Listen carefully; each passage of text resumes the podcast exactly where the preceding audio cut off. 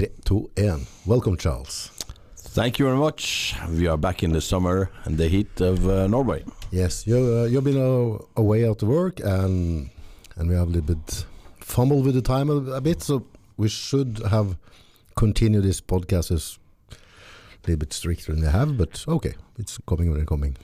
Yeah, we are not in a time pressure and we have been busy, so that's good. That's good.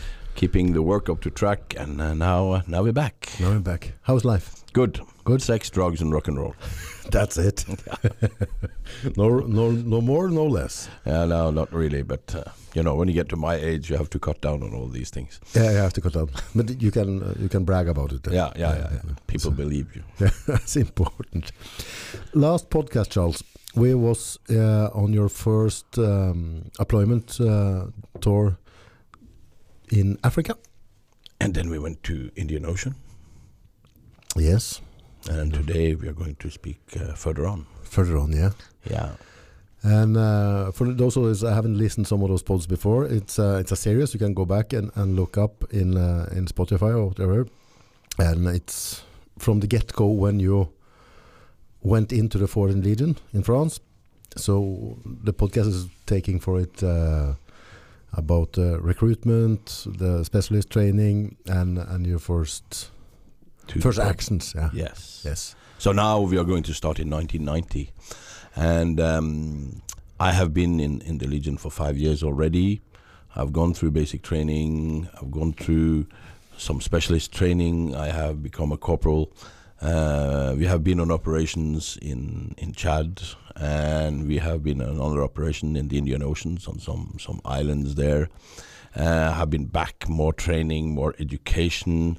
I have become a sergeant, and uh, I am early 1990 uh, a young uh, forward storming tank commander in the French Foreign Legion's 1st Cavalry Regiment. But when you talk about you stayed there for five years, many people it's uh, because a normal service time in the Legion is five years. Is that correct? Yeah. That's correct. But after five years, what's happening then? Okay, so uh, after five years, um, uh, you can, if if the Legion accepts, or if you have a career, if it makes sense, uh, that you can sign up for uh, further years on. So uh, usually the maximum sign on is three years. Okay, so if you have been in five years, you can apply for new three years if you, you can to. apply from. So the the official uh, rules are, if I remember right, and I don't think they have changed, is that it's between six months and three years contracts. Okay. So it all depends on what you want to do. Do you have a plan? Do you have a project? You can sign on for shorter, or you're like me, you want to make a career. You just sign on for um, for five years. You know, for for another three years. Sorry. Yeah, okay. after five years, you sign on for another three years, and then you sign on for three years, and then you sign on for three years. Okay, so, so every every three year three year you have to sign up. Yeah. And then it's like uh, it's a formal stuff. You have to go sign some contract. Oh yeah, yeah, yeah. It's a it's a whole process. Yeah, because uh, it's a part of the of the system.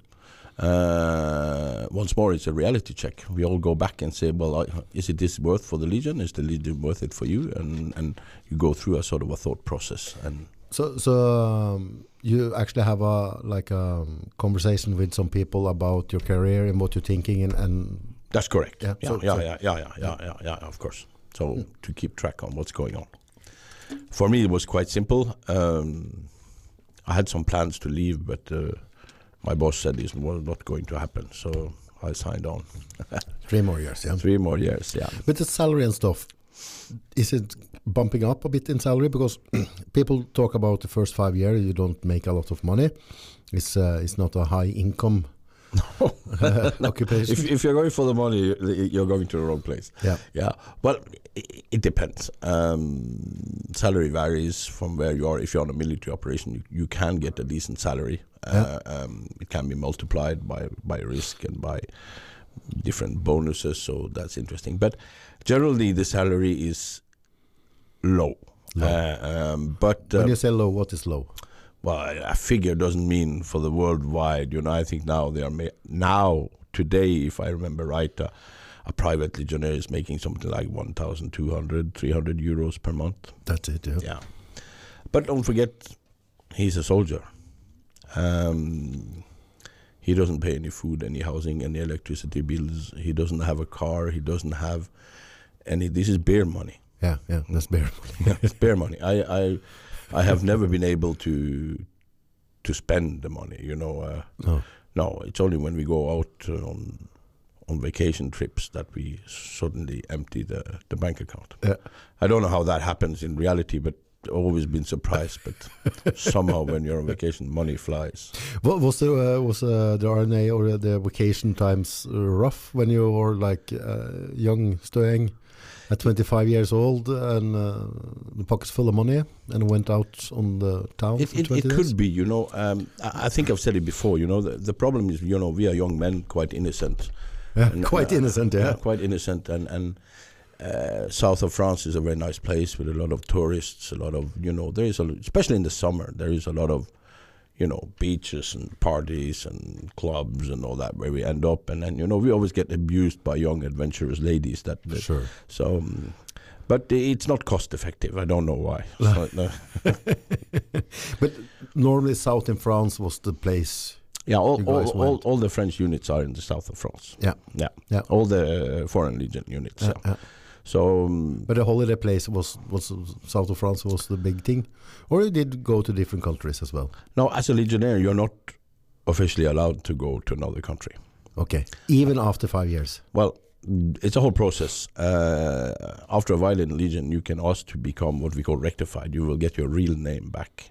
Okay, So, from your declared identity that you joined up with, and they gave you a fake identity in the beginning, that Mm. you then you're then serving under a fake identity. Then you can go through an administrative process, provide uh, the required documentation, uh, and then you will get an official decision, and you take back your own name. about the fake identity. Mm. What was the story about that? Well, can you explain for the for the listeners because uh, the old myth was if you if you're, you're running from some kids and wives or uh, uh, the debt collector or maybe uh, some uh, prison sentence, you could join up for the legion, and if you if you did your work there, they give you a new passport, new name, and uh, blank sheets. Mm, yeah. The Legion will, when you join up, uh, run a security check on you. Yeah, and built on the discussions you had with the Legion security and intelligence services, yeah, the Legion will make a decision either to throw you out or to keep you. This is if you have uh, an issue, outstanding issue, um, and and uh, they can decide to change your name. Hmm. Right, you cannot request it, or you can, but uh, it's not your request to change the name. But So- everybody who joins in get a new name and a new number. I not everybody, but um, I heard lately. I think now they put in a new process where everybody changes name. It's a bit easier to get back your real name. So in my time, not everybody changed name, uh, but uh, mostly people have. Did you get a new name? Yeah, I got a new name. Yeah. My name was Max. Max. Max Stafford for five years. Max Mekker. Yes. So most of my friends will call me Max. Max, yeah. Yes, yes. All the old friends call me Max, of Yeah. course, because But you have the same date of birth and everything, or uh, do also Eh. change that one? It all also depends. So we usually change your name. Uh, the normal standard is that we keep your initials. Uh, we change your date of birth. We change your place of birth slightly, and we change your affiliation, the name of your parents. So, um, as a little joke, many Swedes will know that from the time I was uh, the, the second in command in the uh, intelligence and security services, all the Swedes that joined the Legion and changed the name, the maiden name of their mother is Flexnäs. you gave them the, Yeah, the yeah. modern Flexnäs, yeah. Yes, all of the maiden name for the mothers are Flexnäs. uh, okay. Wh- What's the reason? Why do they want the guys to change the name? Well, yeah. So uh, it's basically a very simple process. The, the Legion doesn't care about um, high-level criminals. No. Okay, because and, and and honestly, they don't show up in the Legion because it's much much easier to be in prison than in the Legion. So we don't get so many of them, and and and the selection process is very hard. So it's hard to come there as a hardened criminal and find a place. And the Legion is not interested in covering anybody who has convicted a murder or done a a violent crime or a rape or, or something where, which include violence, most of these people are useless anyway in a military concept. So, what do we end up? We end up with people that has um, uh, financial problems, Mhm. debts to banks, to to whatever, pregnant girlfriends. Uh, also, there is a few countries in the world where serving religion is illegal. Okay. So, in order to to to cover them, uh, we will change their identity. Yeah. So those are the main reasons. Now, of course, it's very difficult to to know everything about somebody. So we will take somebody through the uh, recruiting process, and based on our gut feeling, Yes. uh, we will accept him or not. Yeah. And as this person goes through the, the basic four months of basic training, we will run a worldwide security check on him. Um, if it comes back as he had told us, well, then everything is fine. If it doesn't, everything is not so fine. Um, usually there are a few problems, and and keeping in mind, you know, if a guy comes from Nepal and have stolen two goats in his village and he didn't tell me, I, I will never know. No, you know, no. so there, there, that's that's the limitations of the system. So But from, from the old time, you know, Legion was started in uh, in 1800, yeah, and and from the old time, they was not that picky about criminals because then they maybe want the the people who have nothing to lose.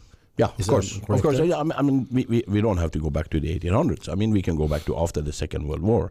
Oh, for sure. the yeah. Legion accepted thousands of German prisoners, and Europe was full of refugees, having lost their whole families, having no future. There was no way to check, and the Legion needed people in the colonial wars. So, um, in those days, the Legion was, of course, less regarding. I mean, it makes sense, and, Mhm. and and the systems were more open, and so. But there has always been a cooperation between the Legion and authorities. Hmm. My my feeling is uh, from from the selections from before uh, earlier days and now today is today you get highly educated people who come from poor country and don't see they have like a proper um, future in the country they live and they rather go into the legion get a France passport and start a new life in Europe. And that's like a ticket in. So so today the legion actually can be quite picky and and uh, and they have, they have to go if you have good school good language good training everything is good. So they can pick out cherry Yeah. pick about the people yeah? Of course they cherry pick and you're completely right but there has been a change in in in the world societies you know. Travel has increased airplane Major, yeah. uh, whatever i mean a hundred years ago it was quite a journey to go from south korea to europe Oh. to join the legion you know that yes, yes, this didn't happen um, and we see that in the in the history you know all, all the norwegians that joined the legion in the old days they were they were sailors sailors yeah yeah, left They- the boat. They left the boat for any reason and joined the Legion. So Yeah. tho- those are typical examples. But today, internet makes the Legion more known. Mm. People come from far away. Of course, the, the, the French passport or European passport is a is a is a motivation case, and this allows the Legion to be able to select higher level people. Mm, mm, And this is also a reason that we don't get these small criminals mm. they don't have a chance. Uh, maybe we spoke about it earlier, but it doesn't matter. You know, if I've, if I, if you, somebody from the suburbs of France doing little criminal activity, uh, or from London doing a, some 17-year-old uh, hooligan, uh, shows up in Aubagne, wants to join, starts to run the testing system, he will be competing against. Um, 28 year old guy from Kazakhstan who's an officer in the army, who has an edu- engineer education, who is highly physical, who has been doing kickboxing his whole life, uh, who comes from a society that is more violent, Mm. less woke, Mm. less less uh, woke yeah less less less ch- protected childhood. So when you get into a military selection process, the little boys they, they get filtered out. Yeah. Yeah. And, and bear in mind, if I don't know if my, my numbers are correct there, but it's about like uh, out of 100 people who are going to try, maybe 10 go through. Oh, it's less than that. It's less, yeah, maybe seven. One one in 18, one in 20. You Yeah. know. It depends where you start to count. um, because uh, of course a lot of crazy people shows up at the recruiting center all over France, Yeah. and they can't pass the first medical test. Okay. Uh, yeah, so, Okay, okay, okay, so yeah. somebody can put that in the system. Was it a real candidate? Now going through the system, that means technically being able to to pass the test. Let's say that you pass the tests. You are physically able. You have intelligence enough to pass the the, the psychotechnical psychotechnical tests. Uh, you are in a medical condition that makes you acceptable for the Foreign Legion. Um, then you have one chance in seven. Yeah. The rest is competition. Rest is competition. Yeah. Yeah. So there are different different filter levels. Those who are undesirable uh, immediately, and those who get in, start doing the tests, and then as soon as they fail one test, they are out. And then you have another level that they pass all the tests as accept as acceptable, Mhm. but despite having passed all the tests, they are not selected. I think we touched about it briefly before. In my opinion, is one of the weak points in in our system is that depending we don't manage, we cannot control the flow of candidates. No. So if you are lucky, you come in a week with bad candidates and you are good, you get selected. Yeah. You join a week where there is a lot of good candidates. Well, you're competing against much more top difficult. top, yeah, yeah. uh, So, and if you're not selected, you're not selected. You're out. That's so it. yeah. So There's nothing to talk about. anybody who wants to join, select your week. Um, I have I've never hided it, and I always tell people if you really want to get accepted, you join on the 20th of December.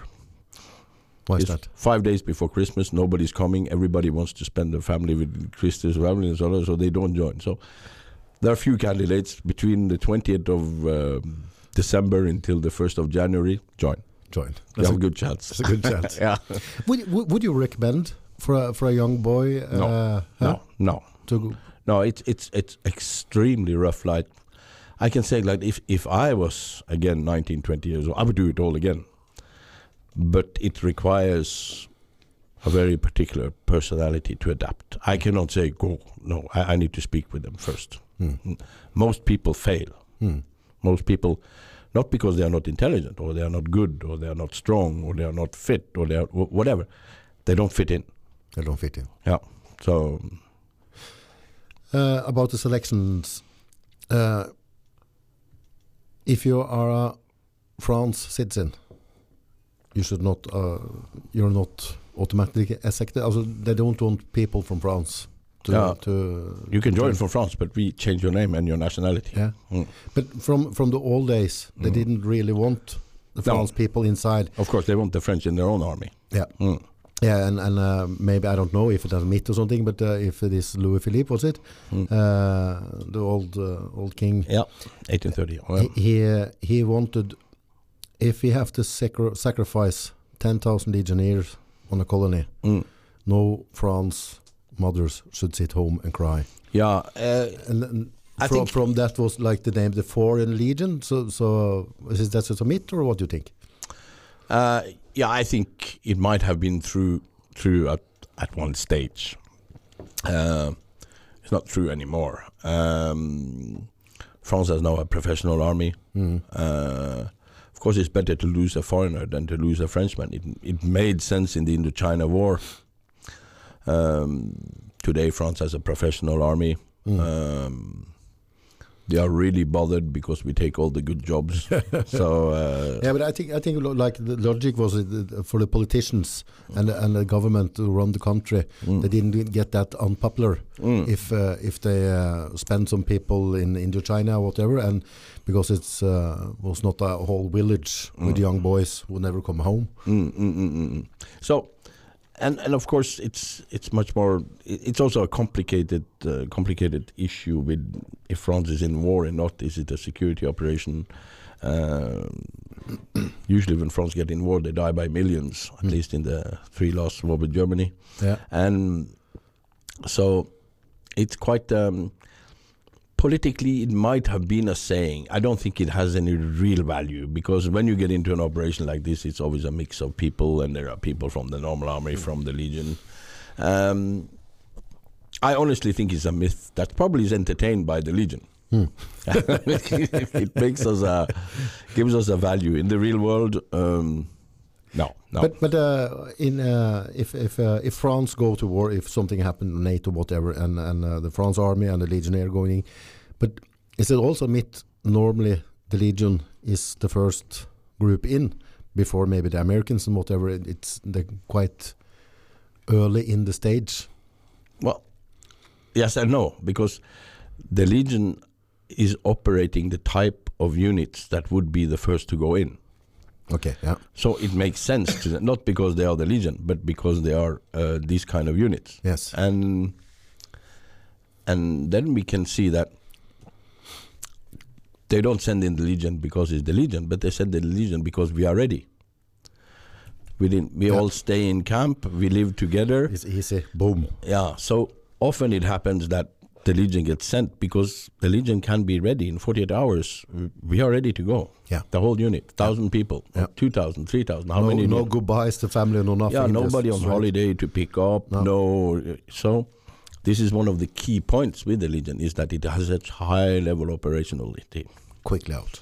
Quickly out and this is also it's a double way to have the people and the other hand you have to have the people trained up to date in their job. Yeah. And that's where the Legion goes in with His Excellency because we spend a lot more time in camp. We have more time for training. We have more time for qualifying. We have people over a longer period. You have the experience. Yeah, but also not only the experience. Uh, when I have a guy who is trained and I can keep him for 8, 9, 10, 11 years, it's much better than having a short term, like we have in most NATO countries. They do three years or four years or maybe five years. And maybe 12 months. Yeah, then you have to start again every time. yeah. so you have to put a much, much, much more effort into. So when you have your operational unit and it is your effort to keep it is much lower, lower Yeah. because you have longer term usage of the people. So this makes that the Legion is more likely to be ready to go at an operational level very quickly, Yeah. and that's usually what happens. Yeah. Now, the regular French army will not be happy about that at all. No. And there's politics involved. You know, right now the the five star general who's in charge of all the French military forces is an ex foreign legionnaire. Yeah. So I suppose we're in good eyes. But Yeah. if he were to be from the naval infantry or from the air force or from somewhere else, you know, and then uh, yeah, there's always some politics, even yes. on that level. Yeah. Yeah, but um, usually we are ready and we'll go. So um, I think it's a bit a myth that they prefer to lose a foreigner than a. Yeah, yeah, yeah. It's not so cynical anymore. No. Mm. But maybe back back oh in the days. Oh yeah, back in the days for sure, for sure. Yeah, then it made Send him sense. to Africa. Walk Mm. himself to death. Yeah, no, that's uh, undoubtedly right. Yeah, Yeah, yeah, yeah. yeah, yeah, yeah. Yeah, because from all time you have like the death marches and stuff, and then they, they just Of course, Keep on of course, and that's what made us strong was operating alone out, establishing procedures for this small units war, this Mm. counterinsurgency war that didn't exist anywhere. mm, European armies was made to fight big battles. Mm. We were very seldom confronted like this. Actually, the Gulf War we're going to talk about was the first time it happened in 50 years. So we have always built up a knowledge base of independent, low key counterinsurgency, very high mobility warfare out in the war. Is it in the jungle? Is it in the desert? Is it in the Arctic? Wherever, mm, where these kind of operations are. So that's where we have our expertise. mm. So then, of course, if you have a limited operation, that's what you're going to send. Mm. You're not going to send your army who is lined up in Germany to face the Soviet Union in those days. Those those units are not adapted for No. this kind of job. But also the Legion have like um, there's a lot to talk about the, the Jungle Group. Uh, I think maybe there was a documentary. There was like some Navy SEALs or whatever go in uh, in training camp with the uh, Legionnaires, and uh, the Legionnaire kicked their butt. Oh, I wouldn't. I wouldn't be so nasty with the SEALs. They are very different. They are highly trained Mm. individuals, and I, I think they, if they suffered, they, they suffered because uh, we have a different concept. Mm.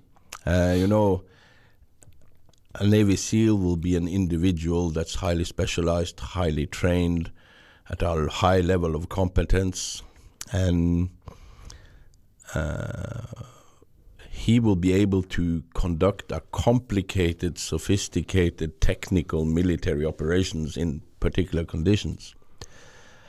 While the Legionnaires will be in the jungle for six months. Yeah. Give him an old jeep and a shotgun. and Yeah, okay. and off we go. Yeah. And that, so it's another, it's another concept Yeah. that is cheaper. It requires more dedication. yeah. You're not an individual. I, I always try to tell people uh, the Legion is full of normal guys. Yeah. And individually, I don't think we are. Of course, some are fit, some are less fit, some are, uh, you know, yeah, this is why.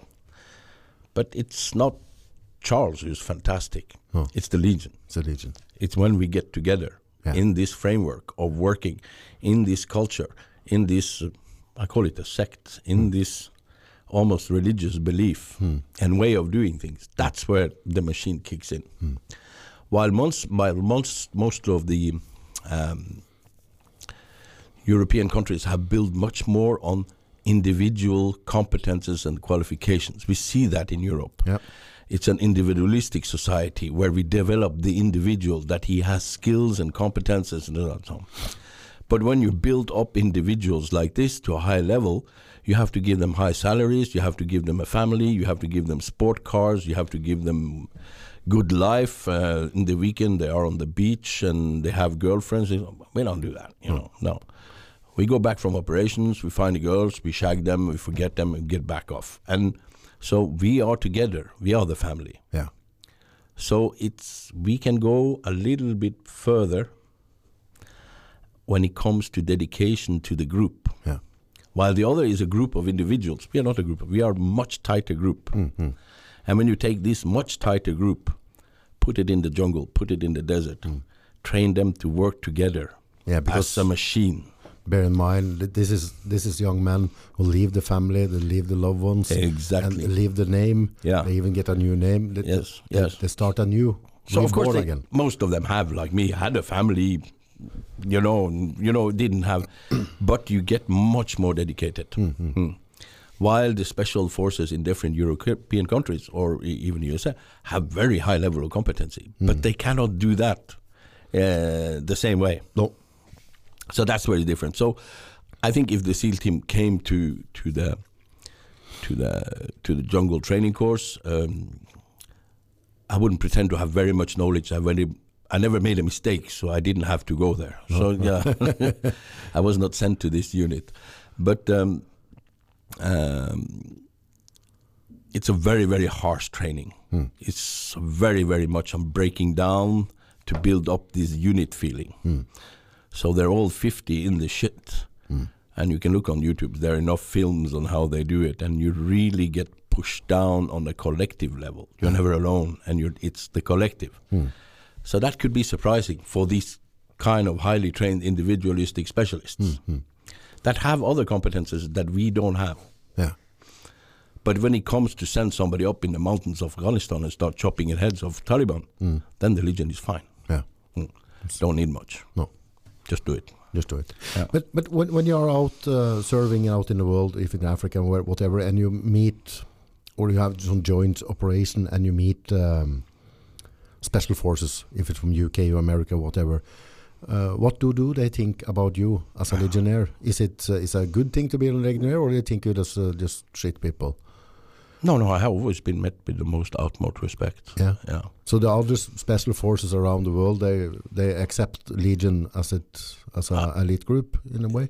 But I, I, we are not special forces. No. No, because special forces is just what I explained. to Yeah, you. yeah, yeah. But, but when you meet special forces and stuff, but do they respect the legionnaire, or they think it's like in uh, in the hierarchy in the different armies in the world? What do what do the other armies think about the legion? But they will end up in hospital if they don't respect us. Yeah. That's it. no, come on. Uh, uh, you know, it's just you know. No, you can't. Uh, there is no ballerina. no, you know. no, no. And in the bush, in the fell, in the war, you either do or you don't. Yeah, Hmm. yeah. and I have seen many situations, but I I don't like to criticize others. No, no, no, no, yeah, yeah, yeah. yeah. So yeah, But but is it like uh, if you if you uh, if you if you talk to some Navy SEAls or whatever, you you generally uh, think, always goes very well. yeah, they think yeah. they think the Legion is a I mean, of course, we are different. Yeah, we are different, but we we usually do not work together. no. No, because they have a different. They are. It's a mistake to compare us to Naval SEALs or to the British SAS. Mm-hmm. Completely different. Yeah, we are what we call in French troupe de mêlée. You know, we, we are operational units Yes. operating together in you know usually at company level. So it's it's a completely different type of operations, hmm, hmm. and maybe that's a mistake that many uh, Western nations have done is to emphasize on the value of special forces. Hmm. Because you can be superman but you can't do much it's limited what you can do you cannot do the same things that i can do with my 35 guys No.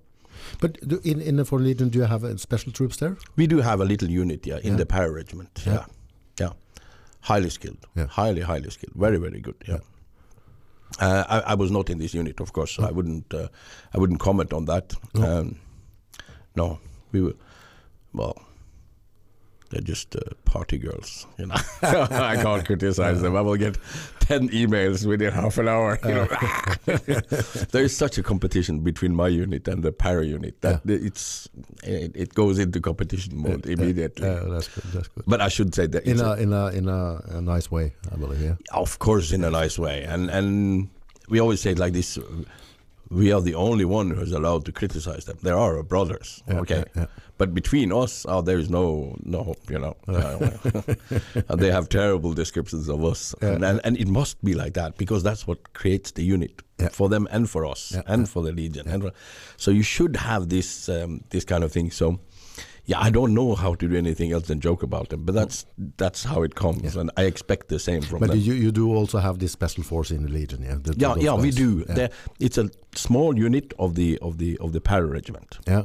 So we have a para regiment, Yes. and this para regiment has a, a little unit. I, I don't know exactly how many 30, 35 people. Hmm. That is, uh, you know, high low jumps and high level of training and do really special operations. Yes, yeah. yes. Yeah. Yeah.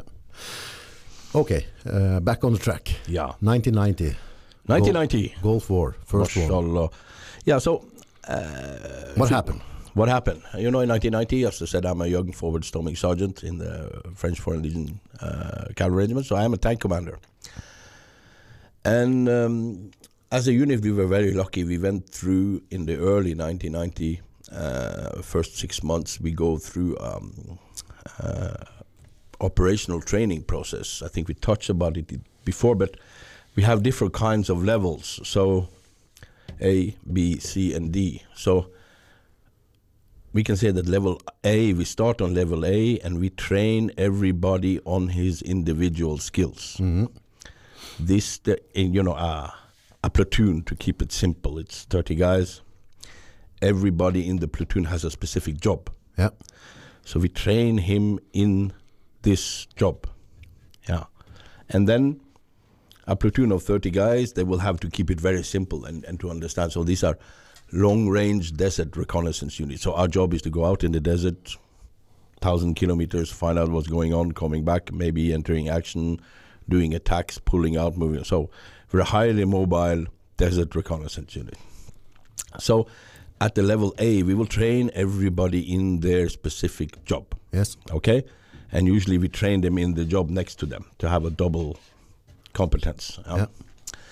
and the next thing we do we go to the level b the level b we will train the teams Yeah. you have a jeep you have an armored vehicle you have a truck you have a motorbike or the motorbike team so we will train the teams to work together at the level b then using all the individual skills from A, putting them together in the team, get the team to work very well together.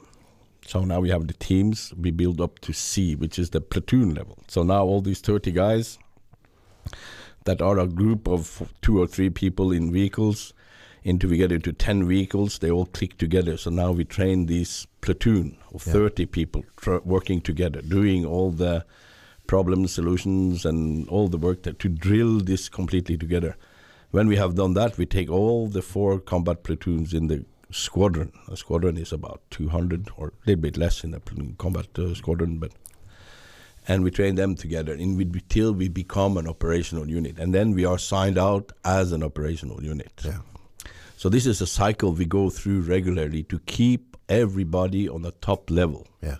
So I've been doing this so many times. I don't know, but it it, it helps a lot because um, you you know transfers inside the legions are individual. Yeah. So we can get two guys come in, they will fit into jobs, they will get the training, or we get one sergeant in, or we get something in. So you have to go through this process regularly Mm-hmm. to bring you up. and at the end, the whole squadron shoots together, and so. So we were trained up, and um, uh, I was on vacation in 1990 in the summer, uh, exceptionally because we were not going anywhere, and uh, yeah, struggling uh, with these uh, aggressive females, Yes. um, trying to protect myself, little me, you know. yeah.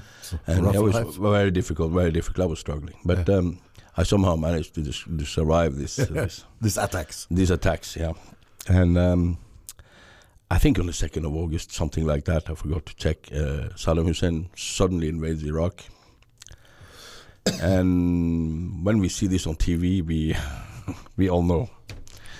Run back to the regiment, and um, we didn't think anything was going to happen. But then suddenly on the Friday afternoon, they said go, and uh, we spent the whole weekend uh, getting everything ready. Uh, France at the same time, it was a big operation because suddenly the French military started to release new equipment. So we got new computers for the cannons. We got new, a lot of new kit that suddenly came out. So it had to be trained on. We have to. So we we needed to adapt, and um, the regiment was sent to to uh, to Saudi Arabia uh, late August. But when, when you was flagged out or sent out, what was your feeling then? Because that's the first. Then you are arriving to a proper war. Yeah, this was. Well, we didn't know it was going to be a war. No. No, you know, this was people who will look on the TV those days. Uh, everybody was hoping for a diplomatic success. As Mm. always, we always. It's easy to look back on history knowing what happened, but uh, those days we didn't know. No. But we were, of course, happy to go. Um, and um, So you was looking forward to it. Yeah. Oh yeah, indeed. And I mean, even going to Saudi Arabia. Saudi Arabia is a big desert, so for us it was perfect. We are going to to what we know what to do, and especially we were going as for the first time. Usually, we only the the limited operations we had before would be at a squadron level. That means 200 guys going Yeah. to Chad. Going well, usually it's a squadron that goes. But now uh, it's a whole regiment. It's a thousand five hundred. Uh, so it's much bigger, and usually we would go by plane somewhere. You know, this time no. They, we uh, France got a whole bunch of ferries, and uh, So We went over with the boat. Yeah. yeah, we went over a boat from south of France to the Suez Canal to Yambu in Saudi Arabia. So it was, of course, a very, very interesting uh, aspect to see the whole regiment move on. And How did that feel when everybody stay on those, those different boats, and, and how was the mood of the people? Or, or Oh, it was uh, total, uh, total fun. Yeah. Everybody was happy. You know, Yeah. this is really a big opportunity, and this is what you were waiting for. Yeah. absolutely. So, um, uh, we arrived in Saudi Arabia. We got a transport solution. Was transported up to what they call KKMC, King Khalid Military City, which is in the uh, north center of Saudi Arabia, not so far from Iraq. And we were deployed in the desert there. And of course, at this time, same time, thousands and thousands of Americans of, of other countries are, are, are, coming too. So it was very interesting to see this huge machine uh, putting into place. This is a real war preparation. You know, you have airplanes flying around the whole day, helicopters flying around the whole day. The Americans struggling, we love that. Yeah.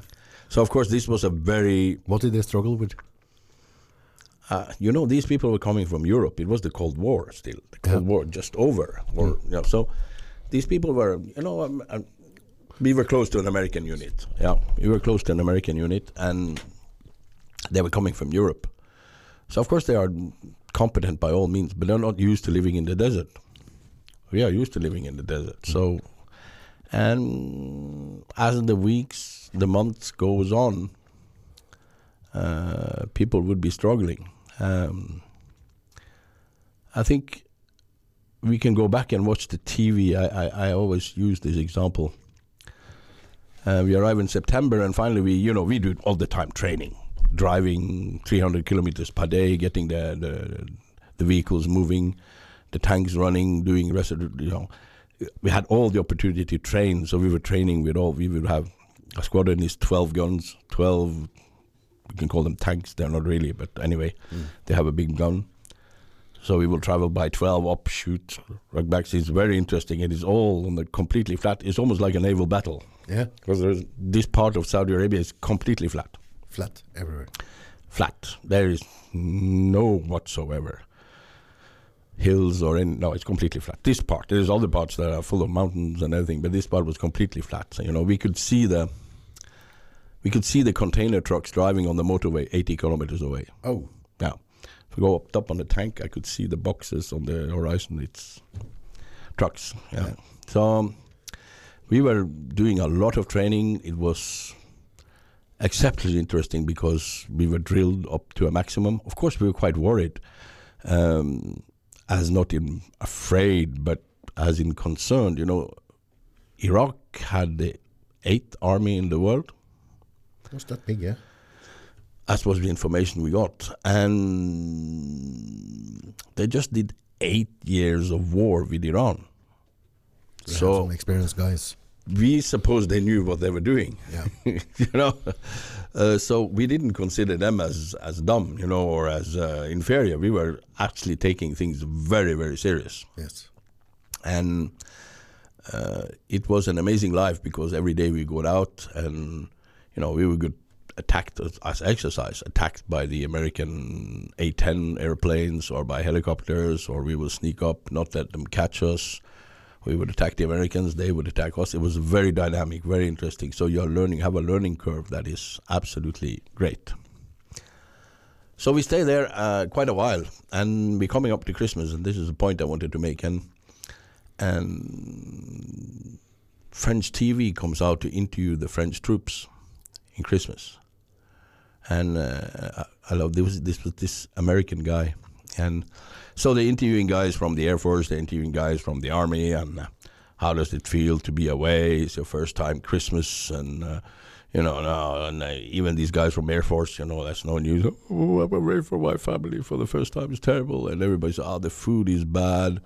We are struggling here," and you know, so they end up to ask this legionnaire from the infantry regiment, a good guy, you know, and actually an American, and um, and they him, "So, how are you doing?" He says, "Oh, "We're doing fine. Yeah, everything is okay. Yeah, don't you have any problems?" Mm, no, I don't have problems. Yeah, really? Yeah, no, everything is fine. Says, Are you sure? You, you know? And this guy goes, oh, uh, I don't have battery in my watch. That's it. that's his problem. my watch is finished and I can't get a battery. That I mean, that's the thing. So he, of course, got two Rolexes immediately from that. So God knows who. but uh, so it gives a bit the, and that's where the Legion is different. Yeah. They can send us there. We can stay one year, two years. Doesn't matter. You know, we're here together. We are making our own Christmas, our own party. Um, we know how to make moonshine in the desert. You know, that's not a problem. Get the race in, and we'll fix it. Yes. Of course, strictly illegal, and nothing of this ever happened. But No, no. no, In theory. Yeah. no. So, our, our, our, I think our level of skills was absolutely fantastic, and our moral was absolutely fantastic. Because this is what we are made for. Yeah. We were living the dream Yeah. many other units from many other countries were there because they had to, because it was dangerous, because they didn't know what's going to happen. So uh, You felt at home we felt at home. Because you stay together with your group. You stay Yeah. together with your family. Exactly. And we go back to this talk we had earlier. That's where the Legion become different. The unit is 100% operational over months in the desert, and the guys are happy. They are smiling. That's that's our life, you know. We don't have to send anybody home for psychiatric reasons, or we don't have any problems, and because we're doing our job, you know. So, and that's where you you have to consider what is you have to go for the reality. Uh, you shouldn't train troops based on what you see in movies. No. You should train troops on the need you have on the ground to successfully kill the bastard on the other side. Mm. That's the goal. Mm. So we uh, we are extremely happy, and uh, towards January it already becomes obvious that um, this is becoming difficult. And um, yeah, we were naughty. I had one day, one night, we were taking some Scuds. You know, they were sending Scuds into Saudi Arabia. These missiles, you know, and there were some concerns that they might hit our camp. So we had a thing, you know, if the alarm goes, we spread out. You know, So not everybody die at the same time. exactly. All Yeah. the all the all the vehicles goes out in the start. So Yeah. we spread out in the desert in two minutes. Yeah. You know, and um, no, it was, um, and we had a visit of a French TV crew. Suddenly, alarm goes. You know, and we didn't take this so serious. We have had a few alarms before, so Yeah. it was, you know, and um, we were a bit naughty. So I got this TV crew in my tank, you know, and we speeded them up lit. My uh, my American gunner and my Spanish uh, loader was a little bit mean with them. They said, "Oh, it's very dangerous. Oh, no, it's different now. They will attack us with gas and everything. You have to close everything." And these guys peed in their pants. Yeah, because gas attack was also uh, sure. a concern Yeah. on the, on the Gulf Yeah. War. Yeah. Yeah. Of course, we were convinced that we were going to gas us. They didn't, but uh, we were ready. You know, there are a lot of training and things to, to resist the gas. Yeah. The gas is drawn in by as drops, as rain almost, and, and then it liquefies or gasifies, and then yeah, yeah. Uh, it didn't happen to us, so all well. But also, it's very complicated to do in a hot desert. It's likely to be inefficient. Okay. So we are, but I mean, all our vehicles are pressurized and have filters and everything. So we were we were ready to do that. But Yeah. it wasn't a real concern. Um, when we finally got to do the real attack, uh, we were less proud. You know, I was the sergeant, so the sergeant is the youngest tank commander. So. Uh, I think we told it before, you know, the sergeant has the first tank, so the tank that goes first in line. Yes. And the joke of the story is that when his tank explodes, we have found the enemy. Okay. so, uh, you're that the guy. yeah. And I said, oh. you can see that happening in Ukraine now. At, uh, when I It's the same as as uh, and uh, and uh, they sent out UA UA 500 in Vietnam, and Mm, they mm. go in to Mm. get the enemy to engage, Mm, and the gunships coming after uh, Yeah, after and exactly. clearing up. Yeah. exactly. So your job is to go in, provoke, Mm. get the enemy to fire at Yeah. you, and, and pull back. Yeah, very simplified. You can say it like that. Yeah. Um, I'm not going to go into deep tactics, but No. yeah, yeah. So, um, of course, we were expecting a, uh strong resistance. Uh, and as we moved in, uh, now we are in, uh, I think it was February. Mhm. Uh, as we, we, we moved up to a place called Rafha, which is close to the border, the whole regiment, or the whole division deployed on the border. We had artillery day and night blowing them up, airplanes coming in. Uh, And then then it's firing ah, yeah, all the time. Yeah. yeah, yeah, yeah, yeah, day and night. Day and night. Uh, and um, it was very impressive uh, to be in. This is a big war, Yeah. you know. Yeah. And as we moved in, uh, the Iraqis kept collapsing.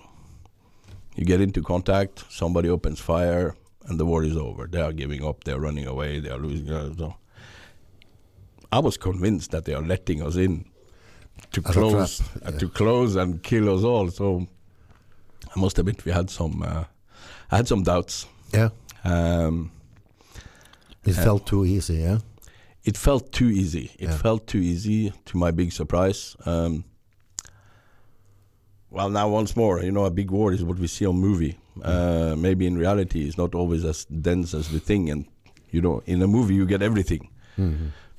In in a war, you just get your little picture. Yes. So I just see the planes flying over me, the helicopters shooting missiles, and me treating some minor targets as we go in. Yeah. So you also engage and fire from your. Oh, sure, sure, sure, sure, sure. Yeah, yeah, yeah. And but there wasn't any good resistance. No. No. And once we had gotten really in, we got in. Uh, I don't know how many, two or three days or something like that, four days. We get really in. We we occupy the first, the last attack we did. We took over an airport, It was quite a quite a operation, but um, our biggest concern after that was collecting the prisoners. Yeah. So those were, um, and they were just dead scared. Yeah. So it was not, not a really danger they're going to try to turn on you after you collected them or Well, you don't know, you know, No, no, no. you don't know. So, um, so yeah, it was uh, quite a complicated job, but uh, and we didn't really train for that. how, how do you treat if you if you if you get like 100 prisoners or 10 prisoners uh, what do you do uh, is it uh, like gathering up and some uh, support team coming picking up and drive them in or how, how is this operation We we have a team in in, in the unit that takes care of this. Mhm. That is planned for that, but we we didn't plan for such a mass. So it was our chaplain, our priest. Uh, the regimental priest became the chief uh, prison warder. yeah So he kept them. yeah and he never carries a gun anyway. no But uh, once they were rounded up, it went very well. yeah Yeah.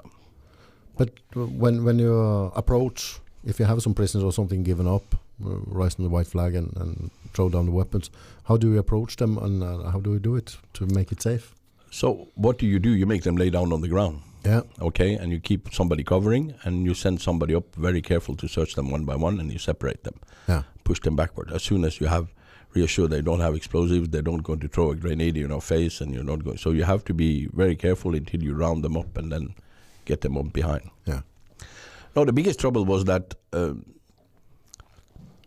rumor says I don't know how true it is, but uh, apparently the, the Iraqi forces had told the guys there that the Legion is on the other side, and they eat their prisoners. oh So so now I'm trying to catch a guy who thinks he's going to be lunch. okay Uh, he has dropped his gun and he's just running in the desert.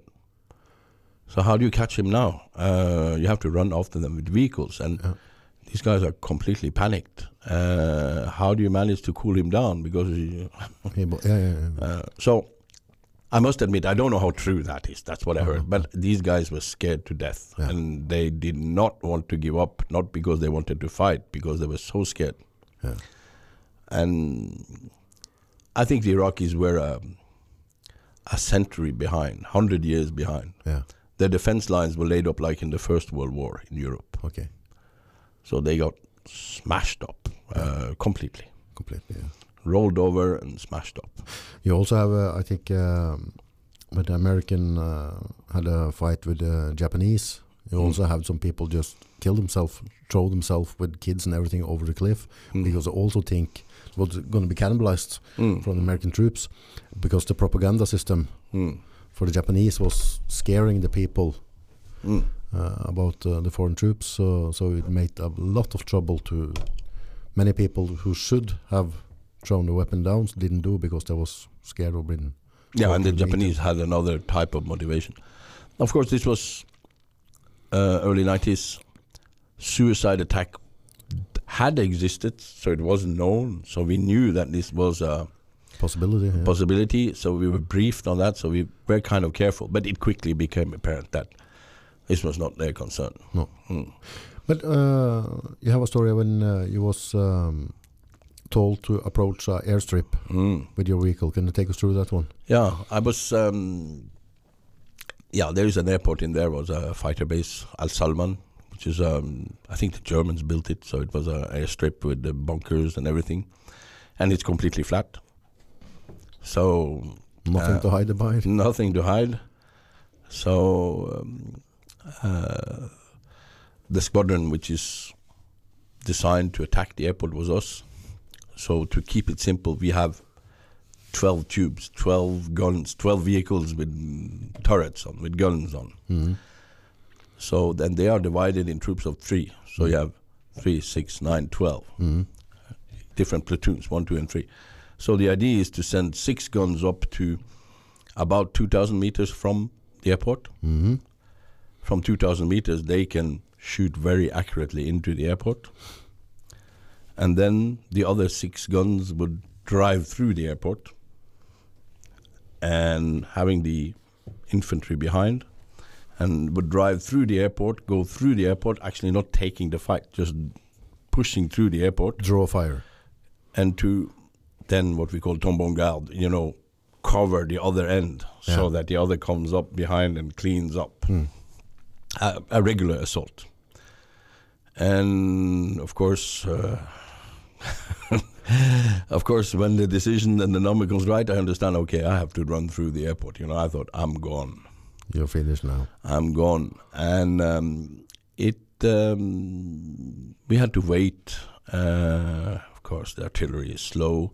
So we had to wait about an hour before we could get through with this job. So we are sitting there out in the desert looking at the airport, uh, five, six kilometers away. Uh, I was not convinced. I think I peed eight times in one hour. Yeah. Uh, and uh, our old sergeant major came around. Bartel is a very nice guy, very fantastic leader. He came around and sort of had a chat with everybody. He also thought we were going to turn into light, fire, and heat. Yeah. So sort of yeah, this is for the Legion and all that. So I was really considering why didn't I become a fisherman in the north of Norway?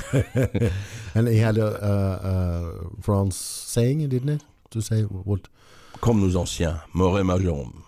Yeah, it's typical saying of the Legion. We do like our forefathers. Yeah. So even if I honestly wanted to go home to Norway and become a fisherman, uh, there was no way out. No. And my reputation is at stake and everything. So well, you just have to go. Yeah. And, And uh, this is a, a acceptable loss for the Legion for the for the greater cause.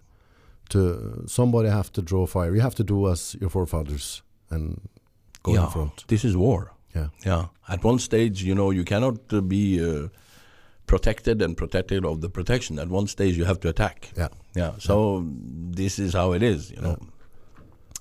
And uh, yeah, the, the, the, the two other platoons came up to 2,500 meters, started shooting at the airport, and we just drove through.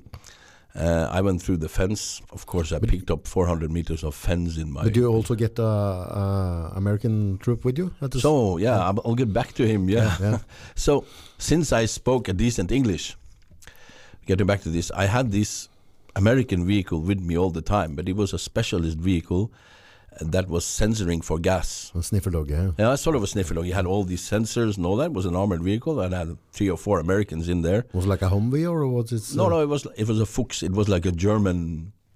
In Norway, they call it a Sisu, made in Finland. So Okay, it's a okay, six-wheeled yeah, armored Uh, thing, you know. And um, so his duty was to stay with me. to okay, Sniff for gas. yeah, for sniff for gas, and my job was then to relay to the company or to the squadron if if there was an issue. So to keep it simple, of course, this was the Gulf War. Uh, France is in NATO, but we didn't have the same radio frequencies as the Americans, and it wasn't. We didn't have them, so he had to actually come to me. So, so at the end, they, the the leadership, of course, forgot about the American, and um, so I get the briefing. I go back and I explain to the American that uh, you and me we're going to drive through the airport, and and this guy goes, "Are you sure?" I was like, "Sure, yeah." Well, then, yeah, that's how it is. So of course I got a bollocking because that was not the plan. They just forgot about him. So I drove through the airport with my American on my tail. Uh. he got his piece of the battle too. Yeah. Uh, but I mean, this is very fast. It was just a few minutes. Yeah, but Uh, obviously, it was uh, maximum. Run the Yes. on the red, high full gas. yes, and, and the night was falling. Visibility was not good. It was raining in the desert. It was a mess. Of course, my two million dollar scope uh, for broke down, so I was out of the turret with my binoculars, Yeah. playing Rommel in the desert. and uh, we raided through, uh, shot a few rounds going through the airport, and then finally got into got into position at the other side. The infantry was coming in behind, clearing up the airport. It went very well. Uh, we always the only worry I had with that is that the bloody infantry is typically Legion infantry. They are brainless, you know. You can So- fucking shoot you if you're not lucky. Yeah. No, they got in there and they thought it was all funny, so they started taking pictures. Okay. So I saw the flash. So I almost opened up on the flash because I thought somebody was shooting at us. Oh. so what's going on? But um, no, it didn't happen. So it all went very well. So uh, th- that airport attack was was quite uh, quite a thing. And The American guy have a quite a story to bring back home then, yeah, yeah, he was uh, because I Ah. don't. Uh, they- maybe not used to do it in that way. no, and uh, and It's funny enough, al- almost after funny he didn't refuse. after he had a very big mouth. Oh yeah, rah, rah," after they were all American all the way, you know, he won the battle. You know, and I thought, well, really, well, fair enough. Fair enough. So he was not convinced in the beginning, and he was probably right. But um, I didn't have the time then to deal with his problems, so No. he just stayed with us. Yeah. And um, and uh, yeah, I think we even gave him a medal. Actually, he was probably happy at the end. Yeah, yeah, yeah. But it was a very good experience. I see it as a wrong very place at the wrong time for the American then. yes. So and I see it as a really really good experience. Uh, this whole operation because there is not many tank commanders in this world that has been through a tank battle. You know. Uh, since 1973 and the Israelis there haven't been any but of course now Ukraine has changed yeah, all yeah, that yeah, they yeah. they are struggling a lot um, Mm, on both sides of course so um, that's a new world But if you're going to round up the goal for what, your experience uh, about you feel the food, the stay, you place to stay, the the, the the length of the time you stay there. What what when you're Yeah. thinking when you're thinking back at So- that at that uh, war. What what what your uh, Well, I, I think back of it with, a- with a lot of interest. So we have all these tactical and technical, but then we have the lifestyle. Is that when the Legion moves in, you know, we went in there, put up the tents, and two days later we sent a patrol into the, the town. The town is called Hafar al Batin. I was there not so long ago. It has changed, yeah. and we bought concrete. okay? So we buy concrete and make concrete platforms, put the tents on the concrete platform, put up kitchens.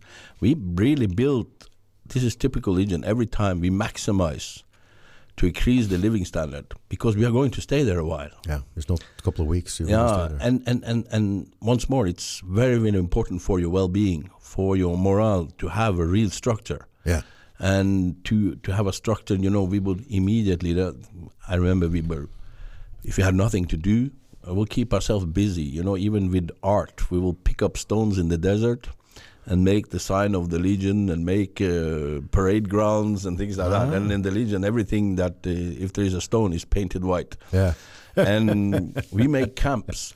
And it sounds silly uh, but if you do like the Americans did, they were suffering because they arrived there, they just dumped them in the desert with a tent and a camp bed camp or camp bed or whatever you Uh, call yeah. it. And then they just sit around and wait. We never sit around and wait. We always have a lot of things to do and keep ourselves busy. we keep ourselves very busy and we keep the moral high and the discipline high. Yeah, And um, yeah, no, we but you're still a young guy. Was it in a party and stuff there, or did you have some? Well, there was a complete lack of women. Uh, Yeah. uh, that's uh, obviously, but uh, the Legion always have parties. Um, we will make our own alcohol.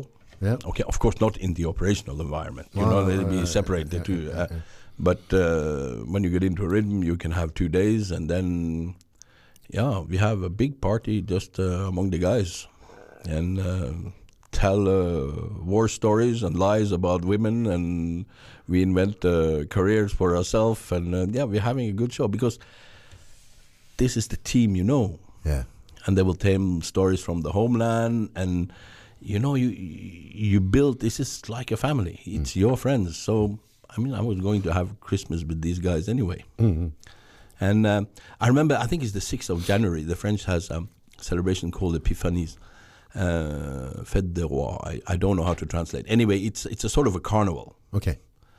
and all the officers of the regiment will dress up in carnival dress and they make a theme. And we have a big party and everybody's dressed up and there is an NCO who makes the theme and and everybody I mean in the desert is limited what you can find. I'll Oh, show yeah, you I have yeah. some pictures. Uh, so you dress these guys up and um, I remember my the company commanders were dressed up like the uh, Snow White and the Seven Dwarfs. so they had some pics and they got went into town and bought some cycling dress and all that and they dressed up ridiculous and all. And we have a huge, and the Americans don't understand. They don't even have alcohol, and they come around and they're like, What Ah. the- what are you guys doing? And we are just having a full show for two days. yeah. So, does that help us live better? Surely it does. And this is strangely enough, as you can hear, this is what keep us operational in any situation, anywhere. Life goes on with all the complications that you have uh, in everyday life. They don't change. No. So yeah, we had quite a few parties. Not that I remember, but So when you think back at uh, at the first Gulf War, that was a that was a good time for you. yeah, I was of course shit scared. Yeah. Uh, let's admit that. You know, Mhm. it's not easy going into a battle where there are uh, other tanks and you expect them to be very good. yeah. Um, but um, I really, really learned a lot. I learned a lot about leadership. I had my boss from Cambo- Cambodia. Mm. So my platoon commander was a Cambodian, and he's um, was very strict, very very good soldier. He was bossing me around big time and taught me the the trade of of leadership. So Yeah. I learned how to keep control of everything and don't accept any, you know, the Asian way. Yeah.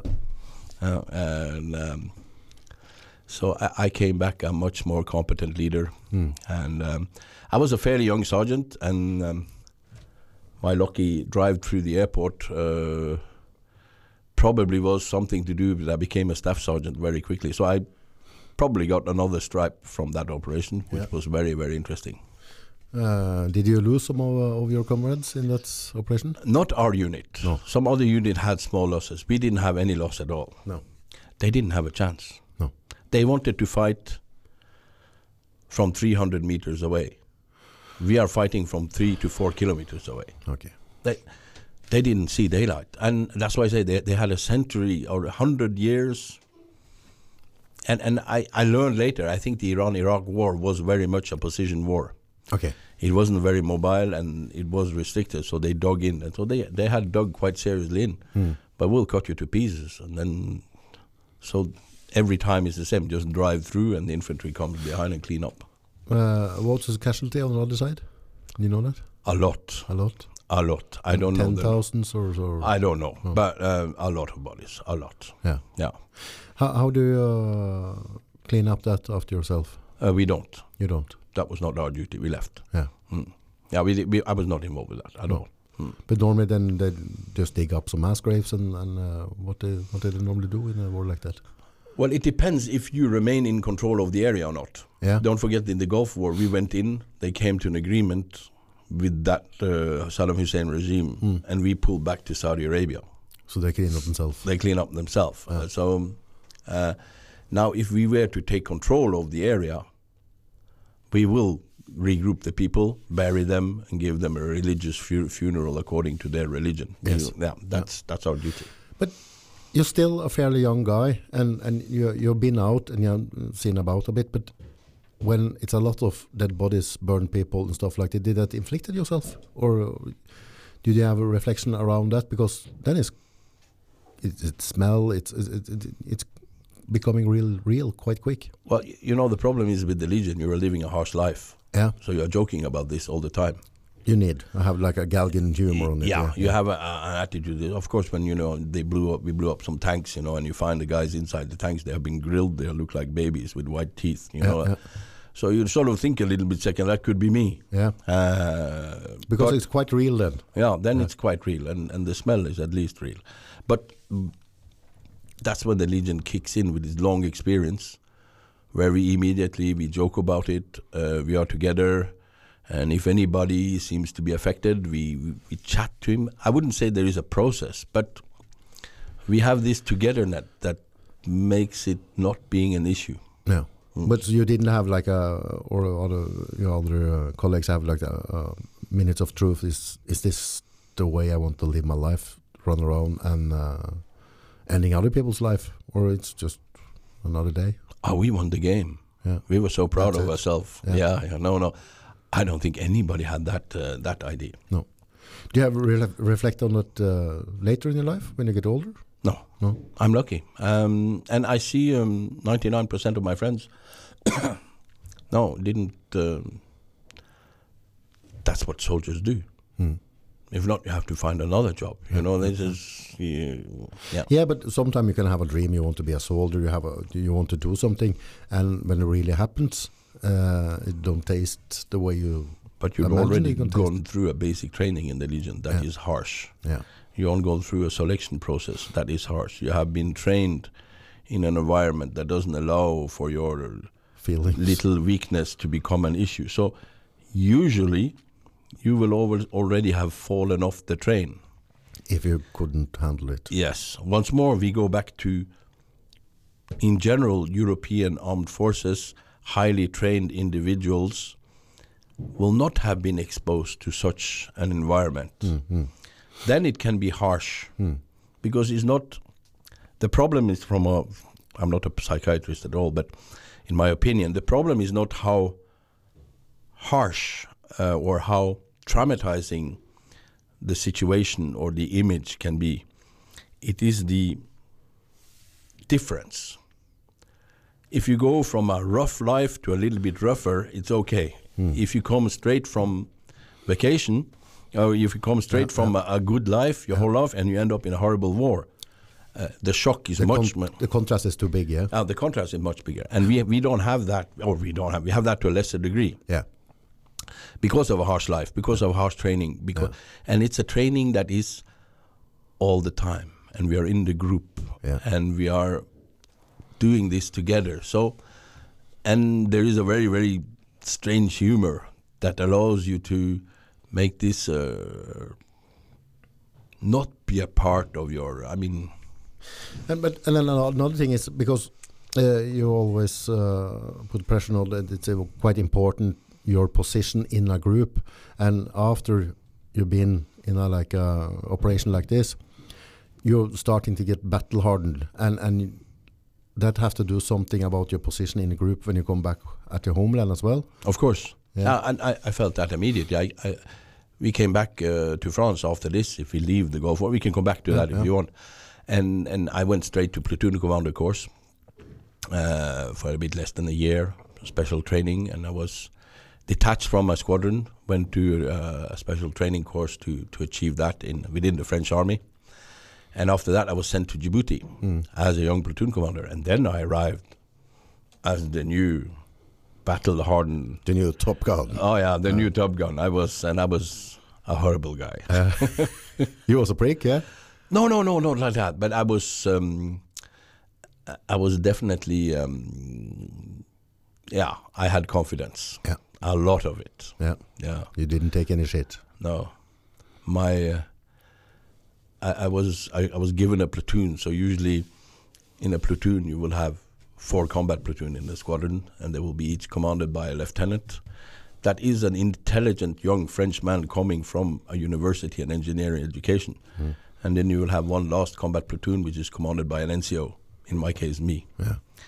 So, of course, I know all the guys. My second in command went to sergeant course with me. They all know me. They all know my reputation. They all adore me. I'm more like a band leader. And I would outrun, outrun all the other platoons with ease. Yes. Yeah. And uh, I remember wise advice from my company sergeant major, which is the oldest like, He's uh, an Indian. His name is Basra. He's uh, ever he listens to this. He lives in Texas today. Yeah. He's a fantastic man. He taught me a lot about life. And he was telling me, you know, Charles, don't put the officers in the shade. They will bite you. Yeah. He was right. I learned a lot. Yeah. Oh yeah, I got shot in the back. yeah, by them Yeah. Yeah. because I was too cocky, too Yeah. experienced, Yeah, too. yeah. So um, there is something to learn there. Yeah. Humility is uh, it's not a strong thing in the guys who come from north of Norway. You know. No, no. so back in the Gulf War, uh, you're cleaning up, and um, how long was was you employed? So we arrived in September, went through all the preparation. We attacked January. Air attack started in January, if I remember right. Ground attack in February. Uh, we packed up, uh, went back to Saudi Arabia. There was a lot of organization, uh, decommissioning of, of, of different things, and we got put back on our ferries, and we traveled back to France. I think we were back in France in May. Okay, I, I yeah, think, yeah, yeah. mm, April, May. Yeah, Okay. yeah. Close to nine months out then. Yeah. Yeah. And uh, of course, we came back like heroes, like national heroes. So Yeah. it was. Uh, Is it like parade in the street and everything? Or? oh yeah. Oh yeah. Oh yeah. Oh yeah. yeah. Flags and stuff. Oh yeah. We were welcomed really like heroes. Then we had 14th of July. Where What we feeling did you have then as a legionnaire and you you uh, established yourself in the hierarchy Mm. and and you're walking through the street like a parade? Was Uh, you are very proud, of course, very proud. And we had the parade on the 14th of July in Paris, and uh, it's a nice story. Uh, I don't know if you know Paris very well, but the, the parade is on Champs Elysees, No. and um, we were parading with our armored vehicles. Yeah. So here I have my 20-ton tank with six wheels Yeah. and a turret, 105 millimeter cannon on top. It's, very, it's called a MX-10 RC. Very nice vehicle, very masculine thing. And the plan is we are parading. You're sitting on top with your rose in your mouth. Yeah, well, no, not in the parade. You know, you have to behave. Yeah, yeah, you have to be. Well, you would do it anywhere you can, but uh, not in the parade. There are certain. So anyway, the goal is we are going to do the parade and uh, getting down Champs Elysees to Place de la Concorde. Uh, we would turn left in front of something called um, something with La Marine. I don't know, Hotel de la Marine, and there is a straight long road there which is called Rue de Rivoli, and somewhere down at the end there is the French municipality, the mayor of of Paris or Yes. the commune, whatever. Yeah, yeah. And uh, I was appointed with two other guys to go there and to we should uh, be there and we should be participate in a cocktail Oh. with the mayor No, of no, Paris. No, no, no, no. And this was Jacques Chirac, which was the later the president. Oh yeah. And um, so we drove through the the parade as we should, uh, uneventful, in front of uh, salute and all that. And uh, I was stopped there in, in the because there was, traffic. Yeah. So the French police is organizing traffic, and then they block the traffic to get us through. So the French gendarmes tells me, go as fast as you can to the mayor and stop there. You know, oh, no problem. What a pleasure! I'm driving in because we have taken all the limitations of the tanks because of the war. Yeah. So I was driving in 120 kilometers an hour in my tank down the Rue de Rivoli, all sirens on, driving into the uh, area where the uh, Hotel de Ville is, where the town hall is. And, and the mayor is there waiting for us. I stopped, get off, you know, and salute the mayor. Later, President Chirac, and he was very, very keen. I didn't know at all. He he used to be a platoon commander of tanks in the Algeria War. So he was very keen and he received us very well. But it was a little moment of glory where whole Paris is standing still for you That's nice. and you're 24 year old Norwegian. Oh. Yeah, that, that was uh, great fun, great fun. And this gives you a motivation to Yeah, go on. Have you fight for your nation and, and Yeah, nation and yeah. they actually appreciate it, yeah? Yeah, you know, we were we were like kings, you know, and and and, and him, the Chirac, was so nice to us. You know, we we were treated in this. I mean, they had all the high people of Paris and everything. You know, he didn't care. It was only his military boys, you know. And I know it was. Um, When you go out on town, to- on the town later that night or whatever, how, uh, how, it's how- very difficult. Yeah? Yes. Now the 14th of July night in Paris is um, is a complicated operation. Uh, the whole city is celebrating, and uh, you're definitely a part. Yeah. Um, I was always a gentleman the- and the didn't participate in anything like this. But No. but uh, yeah, some guys would go there, and uh, once more, you know, there are all these adventurous women trying to take advantage of you, and uh, yeah, you every nightclub. Yeah, no, it was uh, very very difficult. The Legion has a traditional nightclub. I don't know if it exists anymore. It was called La Scala in those days, and uh, yeah, we would arrive there. Is it like you, you're treated uh, first in line, you don't have to pay for get in? I will not pay for anything, and we treated. Of course, yeah. Who's going to stop us? we are forty guys. uh, no, no. So that's um, that's quite a rewarding thing for a young man, and you learn this. Um, you get this experience to feel that the nation appreciates you, and you're honored by all ways. Uh, they hang medals on you to make you look nice, and yeah, that's something you bring on in life, and as you can see, strangely enough, uh, I have much more of these memories. I, I only remember the good thing. You were you, you were talking about the dead bodies in the Gulf Mm. War. I haven't thought of them for years. No. no, no, at all, at all, at all, at all. I, I remember the party when we came back. Yeah. Well, I behaved very well, of course. Talk over yeah, it, yeah, yeah. You talk about other guys now. Yeah, yeah, yeah. My friends were terrible. Yeah. But, it, but that makes the difference because uh, after uh, after Vietnam War Mm. uh, and uh, American troops come back on American soils, uh, they wasn't treated as hero. You know, Mm. they was treated really bad, and uh, and that could be quite hurtful when you you you feel you sacrifice yourself and your friends for the country, and you come back home. At least, uh, at, at, at the country acknowledge that uh, that you've done something for their freedom. Especially they suffered a Mm. lot because uh, fighting with the, with the you know I think the Vietnam and the, and the Korea of course, but also the the French Indochina War was the first Western war against communist regimes, Yeah. and they have no concerns for losing people. No. so they can throw thousands and thousands upon you. So you will lose if your ratio is if they are hundred and you are five, uh, you're not going to win, No. uh, even if you're Superman. Uh, so they took a lot of casualty, came back, and was not welcomed. Um, I can't comment on that political things. You know, I was a very young boy, but um, I can understand that that must have been much much harder.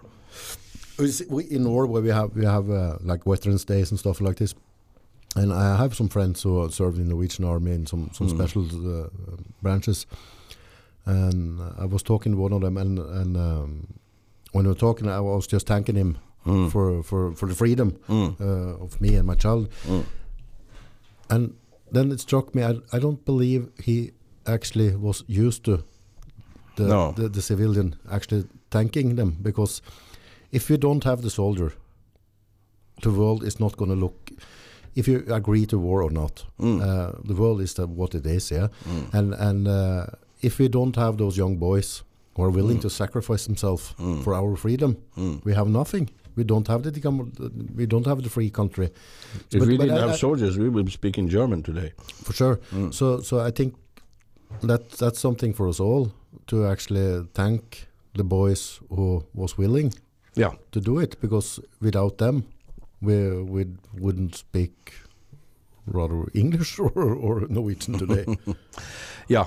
On the other hand, I, I- I firmly believe it's the it's also the soldier's duty um, to take his place. sure.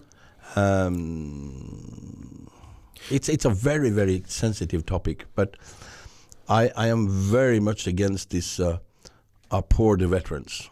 Uh, it's not poor the veterans. We don't need any mercy, you know. Uh, No, but a, Mm. a simple thank. yeah, if you don't want to give it, uh, it doesn't matter. No. Uh, because we know what we have done. Yeah. We know what we do. And personally, I am not ready to. I'm not ready to to rely on you or to rely on the population. It's very nice when it happens, Yeah. but I cannot rely on other people to give me my honor and my satisfaction. Because then you have in a very, very dangerous, vicious cycle where you can go into victimization. You know, uh, they're not doing anything for us, and we do sort of. So we have a veterans um, thing in the Legion, Yeah. and this is one of the of the main topics we have is that we are proud what we have done, Mm-hmm. and we organize things ourselves. We don't wait for the municipality to organize for us, or we don't expect anybody to take care of us. We take care of us between ourselves, Mm-hmm. and we forwarded our and by doing that, people will give you respect. Yeah. But but in the same way, when when you go down Champs Elysees and and um, if uh, if you if you have some Norwegian troops then Hmm. if, if they go out in Af- Afghanistan whatever yeah and uh, and do their bit Mm. for a NATO cause Mm. if we would close down Karl Johan in Oslo Mm. and we had a parade when they Mm. come back home Mm.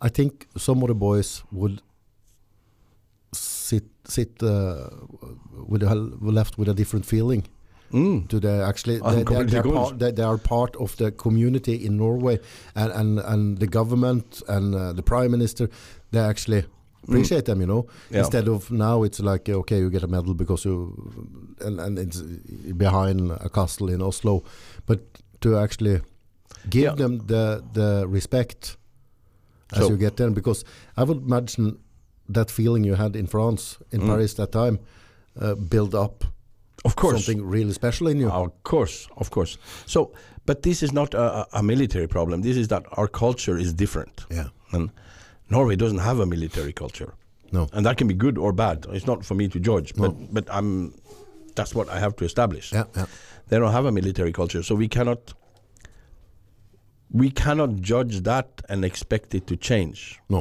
Uh, it will require a completely different reset of the whole culture. So we have to avoid that. We have to say, okay, it doesn't exist. It doesn't exist, uh, because then you go into oh, oh limitation, and I don't want it. That that's that's not going to happen. So, um, but luckily Norway doesn't have um, have a military need like France. It doesn't have a worldwide uh, coverage, no and no our our our military is there to defend the country, and it Yeah. makes sense. Mm. And I, just my humble opinion, we should really try to work on the will to defend the nation Yeah. by all Norwegians. yeah Uh, I think we are very focused. Uh, it's not my problem, and I haven't got anything to say on that officially, of course. But I see a lot of focus on spendings and material, which is sure important. mm. But the most important is the will. Mm. Create the will in the population to fight. Mm. Mm. Look at Ukraine. Mm. Mm. So um, Yeah, we, we talk about uh, some um, some yeah, different uh, thing, but about um, somebody who wouldn't learn the language. The if if they like uh, have two parents and and uh, some of the kids don't want to learn the one of the language, and it's as you said, it's because they're not proud of it. hmm, hmm. They don't have the will. yeah, You have you haven't built it up. yeah. The, the proudness. Now you're going to get me onto a political line here. It will Yeah. become very hot. it is for me essential to be proud of our nation, to be proud of our culture, to be proud of. And if you're not proud of it, we're dead. Yeah. We're finished. Finished. So we will discover that we are in big trouble one day. hmm But since we cannot admit it, uh, well, we just have to wait. Yeah. Then we will have old guys like me and you who will fix things. Back to basic. Back to basics. I'll be here. I was here. So, uh, But other, thing uh, I want to touch on uh, in the end of the, the pod here is um, the the struggle of life. Life is uh, everybody can try it. Life is not easy all the time, yeah. And uh, even if you are army or if you have normal work, my job, whatever, you know, we all get into hardships uh, when we're going to look at the mirror and don't know hmm. what we want in life. But as you talk about the Foreign Legion and the building up a group, keeping yourself busy, routines and stuff, how important is that for your mental health, you think? I think it is absolutely essential. It is, you know, I I do this myself every day. Yeah. Uh, I have to make a planning for myself because, like everybody else, or maybe worse than others, I'm lazy. Ask my wife. uh, I'm I'm lazy. Um, I I need to put together a planning for myself and do the things I maybe don't want to do, and when I do them, I get a little reward of some hormone that triggers, and it makes me happier. Yeah. And if ever I am in, a, I'm lucky. I'm in a struggle. It will take me one tenth of a second to remember so many destinies from around the world that are a million times worse than me, Mm. and I have no rights to complain. No. And I'll just get on with it, and and that is a strength everybody can develop. Yeah. And and I don't have advice to give to people, but do that. Yeah.